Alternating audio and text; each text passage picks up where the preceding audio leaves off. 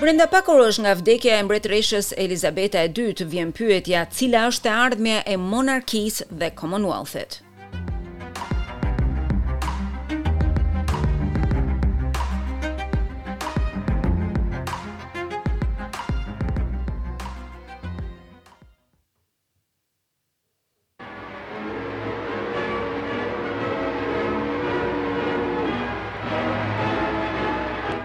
early morning, the Queen and the Duke, aboard the Gothic, had responded to the cheers of welcome.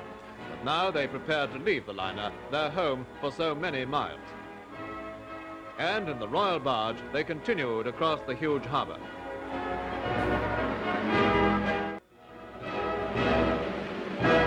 Such outbursts of spontaneous affection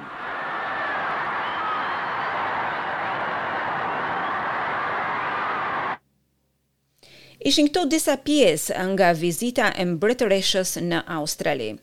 Gjatë vizitës në vitin një mijë e nëntëqind e pesëdhjetë e katër, një mbretëreshë njëzet e shtatë vjeçare u shpreh kështu përpara popullit australian.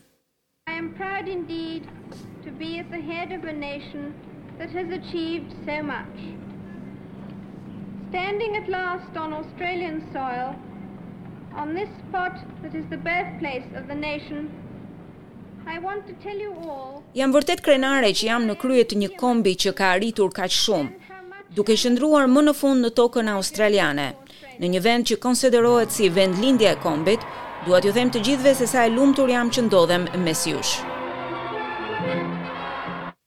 Shtatë pikë pesë milionë persona nga një popullsi dhjetë milionëshe e vendit në atë kohë dolën nëpër rrugë për të takuar mbretëreshën. Ajo vizitë e parë ishte gurthemeli i dashurisë së australianëve për mbretëreshën e tyre. Adhurimi e ndoqi kreun e shtetit të Australisë gjatë gjithë jetën e nuk ndryshoi gjatë pesëmbëdhjetë vizitave të mëpasshme, duke ndezur një dashuri të përtërirë mes një grupi brezash të rinj. Por vizitat ngecën gjatë fundit të viteve një mijë e nëntëqind e nëntëdhjetë, për të shmangur debatin e nxehtë për të ardhmen e monarkisë. Kryeministri Paul Keating kërkonte që Australia të bëhej republikë deri në mijëvjeçarin e ri. Australia should become a republic by the year two thousand and one. We are all Australians, we share a continent, We share a past, a present and a future. Australia duhet të bëhet republikë deri në vitin dy mijë e një.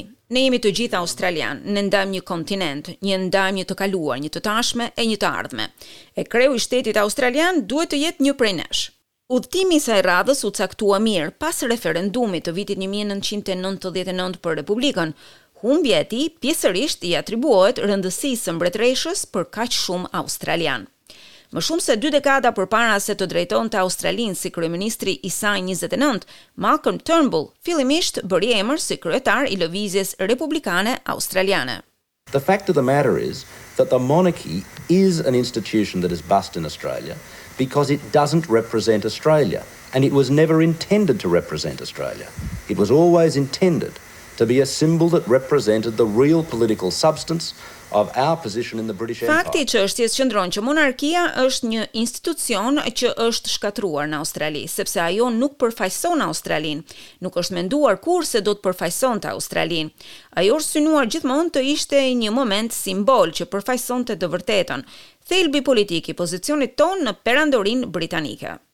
Por, Duke folur për ABC-n të premten dhe pas vdekjes së saj në moshën 96 vjeçare, Turnbull ishte i prekur. She gave us uh, a portrait of herself, the official portrait of herself and Prince Philip in some boxes, you know, which I'm sure they give to every prime minister.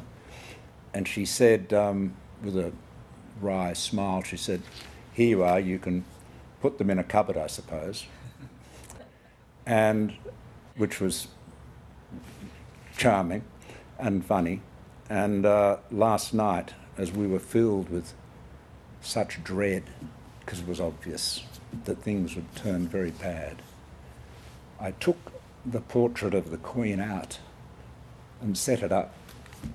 We just thought what an amazing life, what amazing leadership and it is the end of an era. Ajo na dhuroi një portret të sajin dhe të princit Philip dhe me një buzëqeshje tha, Futi në dollap po deshe. Edhe, të them të drejtën, ishte pak e lezetshme në momentin se si foli, por natyrisht mbrëmë, Tek prisnin lajmin e zi, i nxora portretet nga dollapi dhe mendova, çfarë jete e jashtëzakonshme, çfarë udhëheqësje e zakonshme. Fundi i një ere të tërë. Ndërkohë Lëvizja Republikane kërkon që Australia tani të shpallë pavarësinë. Ajo doli me këtë deklaratë. Queen Elizabeth respected the self-determination of the Australian people, The Queen backed the rights of Australians to become a fully independent nation during the referendum on an Australian republic in 1999, saying that she has always made it clear that the future of the monarchy in Australia is an issue for the Australian people and them alone to decide by democratic and constitutional means. Mbretëresha Elizabeth e ka respektuar dëshirën për Vetëvendosje të popullit australian. Mbretëresha ka mbështetur të drejtën e australianëve për t'u bërë një komb plotësisht i pavarur gjatë referendumit për Republikën Australiane në vitin një mijë e nëntëqind e nëntëdhjetë e nëntë, duke thënë se ajo e ka bërë gjithmonë të qartë se e ardhmja e monarkisë në Australi është çështje për popullin australian dhe vetëm ata janë të ata që duhet të vendosin, me mjete demokratike dhe kushtetuese. Australia nuk është i vetmi komb që ka vënë në dyshim legjitimitetin e familjes mbretërore dhe në Mbretërinë e Bashkuar, mbështetja për monarkinë është lëkundur herë pas here. Mjafton të kujtojmë ditët që pasuan vdekjen e princeshës Diana në gusht të vitit një mijë e nëntëqind e nëntëdhjetë e shtatë, Nick Bryant, i cili kaloi mbi njëzet e shtatë vite si gazetar me bbc, raportoi nga portat e Buckingham Palace gjatë asaj jave dramatike. I was outside Buckingham Palace in nineteen ninety seven and there really was a palpable mood of rebellion. And you'll remember some of the tabloid front pages show us you care, speak to us, mom. Where is our queen? She decided in the aftermath of Diana's death to remain in Balmoral rather than come back to Buckingham Palace. And you'll remember also that the decision was made not to fly a flag at half staff, Unë isha jashtë pallatit Buckingham në vitin një mijë e nëntëqind e nëntëdhjetë e shtatë dhe me të vërtetë kishte një moral të dukshëm rebelimi. Dhe ju mbani mend disa nga faqet e para të gazetave, Na trego se kujdesesh, fol me ne zonjë, ku është mbretëresha jonë? Ajo vendosi që pas vdekjes së Dianas të qëndronte në Balmoral, në vend që të kthehej në pallatin Buckingham, dhe do të mbani mend gjithashtu se u mor një vendim që të mos valonte flamurin në gjysëm shtizë në pallatin Buckingham. Në të vërtetë ishte ky një moment revolte, një moment i lartë emocioni për të gjithë Britaninë. Në ato pak ditë, monarkia padyshim që u lëkund. Tani, kjo mund të ishte kthyer në një lloj nxitje të vërtetë drejt Republikës Britanike, por nuk jam i sigurt se arriti deri në atë pikë. Megjithatë, kur mbretëresha më në fund udhëtoi për në pallatin Buckingham për të qenë pranë me subjektet e saj, dha një fjalim emocional drejt kombit dhe tha se gjithçka ishte falur. What I say to you now, as your Queen and as a grandmother, I say from my heart. First, I want to pay tribute to Diana myself. She was an exceptional and gifted human being. In good times and bad, she never lost her capacity to smile and laugh. Ajo që dua t'ju them tani, do t'jua them si mbretëreshë, si gjyshe, por e them nga zemra. Së pari, dua t'i bëj nderime të vërteta Dianës.